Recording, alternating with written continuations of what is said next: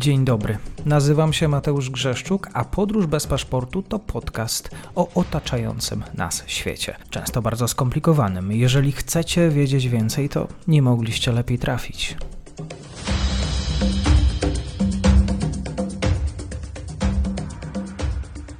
Dzień dobry Państwu, dzień dobry wszystkim słuchaczom. Dzisiaj ze mną jest e, pani redaktor Joanna Kędzierska, portal WNPPL. Dzień dobry, kłaniam się. Dzień dobry. A dzisiaj będziemy rozmawiać o wyborach w Wenezueli i pytanie na początek, jak Wenezuelczycy odbierają te wybory? Czy to jest dla nich e, wybory w kategorii poważne?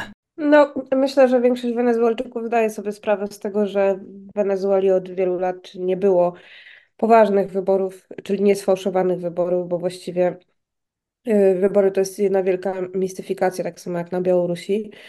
A więc wszystko jest zawsze ustawione i kandydat jest tak naprawdę jeden y, Maduro. Wcześniej był to Chavez. Nie inaczej jest zresztą tym razem, ponieważ chociaż y, władze wenezuelskie zobowiązały się podczas porozumień ze Stanami Zjednoczonymi, tak zwanych porozumień barbadoskich w październiku zeszłego roku, że ten proces będzie przebiegał w sposób demokratyczny w zamian za mm, zdjęcie części sankcji i w zamian za odblokowanie e, przemysłu petrochemicznego, no to już widzimy niestety, że z tych swoich deklaracji kompletnie się nie wywiązują, co można powiedzieć było absolutnie do przewidzenia.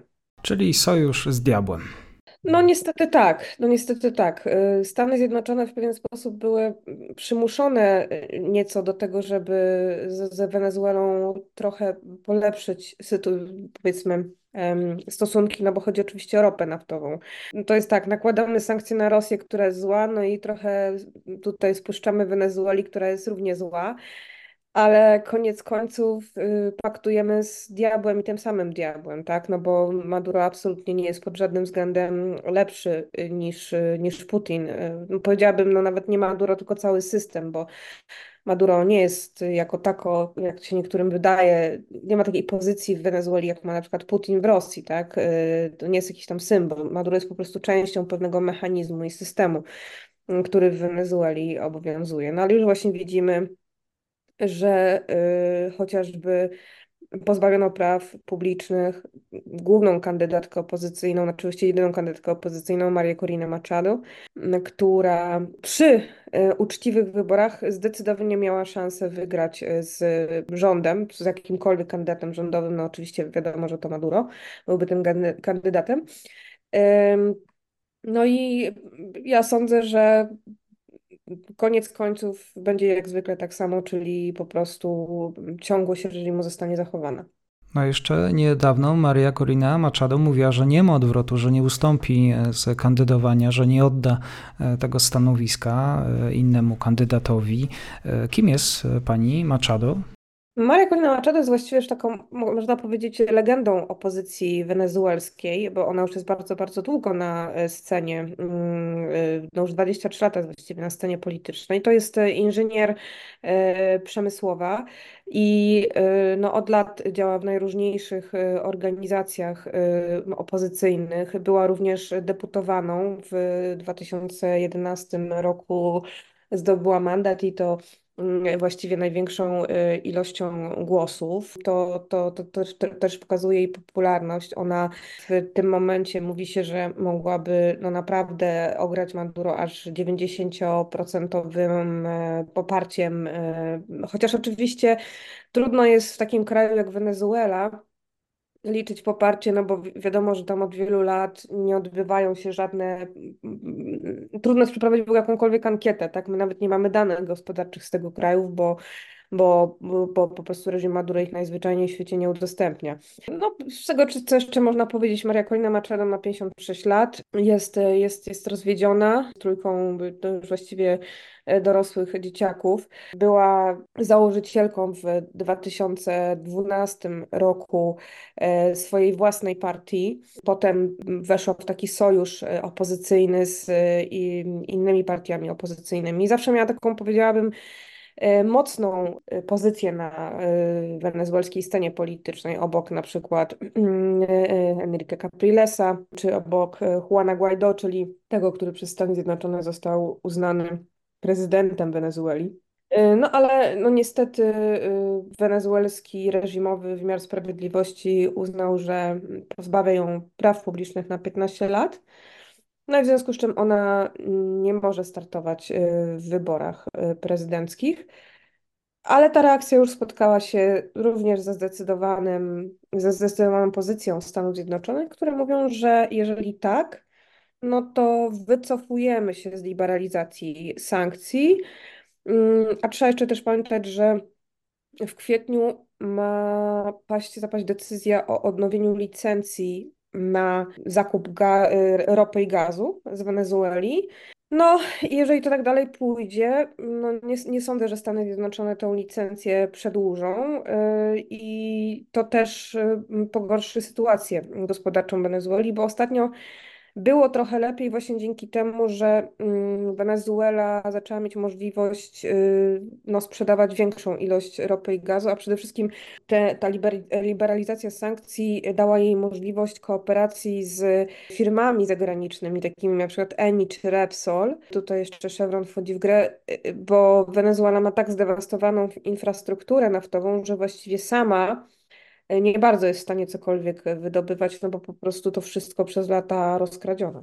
To jest, e, bo tak, jeżeli traktuje się tak kandydatów e, opozycji, to być może to wynika z jakiegoś strachu samego Maduro, e, z jakiejś niepewności związanej z, z tym ostatecznym wynikiem przy urnach. Tak, oczywiście. Maduro w życiu nie, ani jego poplecznicy w życiu nie pozwolą na to, żeby opozycja doszła do władzy, bo to oznacza ogromne czystki i rozliczenia ze skorumpowanym systemem. Wenezuela jest krajem, który jest zbudowany na korupcji w tym momencie. I to, jak ja mówiłam, nie jest Maduro, tylko to jest cała mm, olbrzymia sieć, y, przede wszystkim wojsko, tak?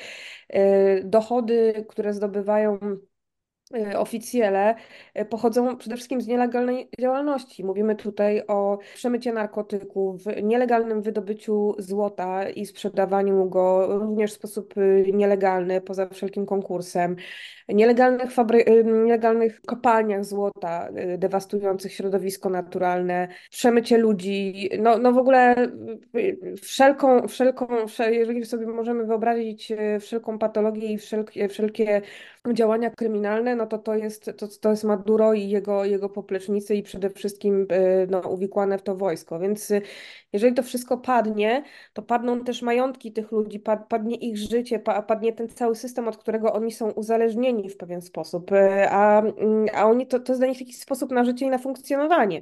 Bo Wenezuela jest właściwie państwem, gdzie na wielu obszarach administracja nie ma nawet kontroli. Tam rządzą jakieś gangi, rządzą różnego rodzaju e, e, a to bojówki, a to, e, a to różnego rodzaju lokalne mafie i, i właściwie ten kraj, no to jest jeden wielki, jeden wielki chaos, tak? I jeszcze do tego oczywiście ogromna e, migracja e, z Wenezueli. Szacuje się, że uciekło, no nie wiem, 7 milionów, może już nawet więcej do krajów ościennych i też do Stanów Zjednoczonych, gdzie też ten kryzys na granicy, który obecnie obserwujemy, również jest potęgowany no, sporą jednak migracją z, z, z Wenezueli, co też w ramach tych porozumień między Stanami Zjednoczonymi a Wenezuelą zostało wynegocjonowane, że Maduro zacznie ich zwracać, tak? I tam będą loty z, z, z powrotem do, do, do, do Wenezueli. Teraz powiedział, że jak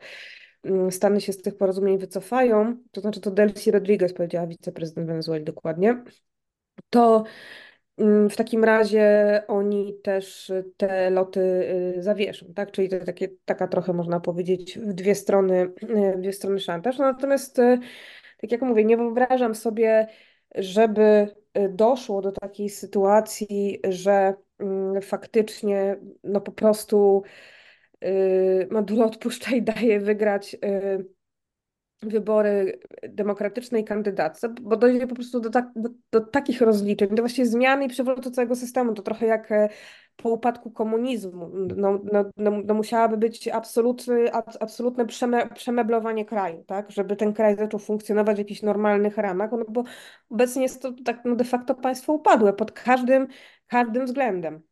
2019 rok, wtedy rozpoczyna się saga Maduro, te problemy Maduro, problemy z Maduro Wenezuelczyków, oczywiście to jeszcze lata wcześniejsze, ale wtedy odbyła się, odbyły się te wybory prezydenckie nieuznane przez świat, uznane jako sfałszowane. Bardzo dziękuję za dzisiejszy komentarz. Janna Kędzierska. Dziękuję serdecznie. Dziękuję serdecznie za odsłuchanie tej audycji. Zachęcam oczywiście do kliknięcia subskrybuj, obserwuj oraz wsparcia mojej pracy na serwisie Patronite. Do usłyszenia.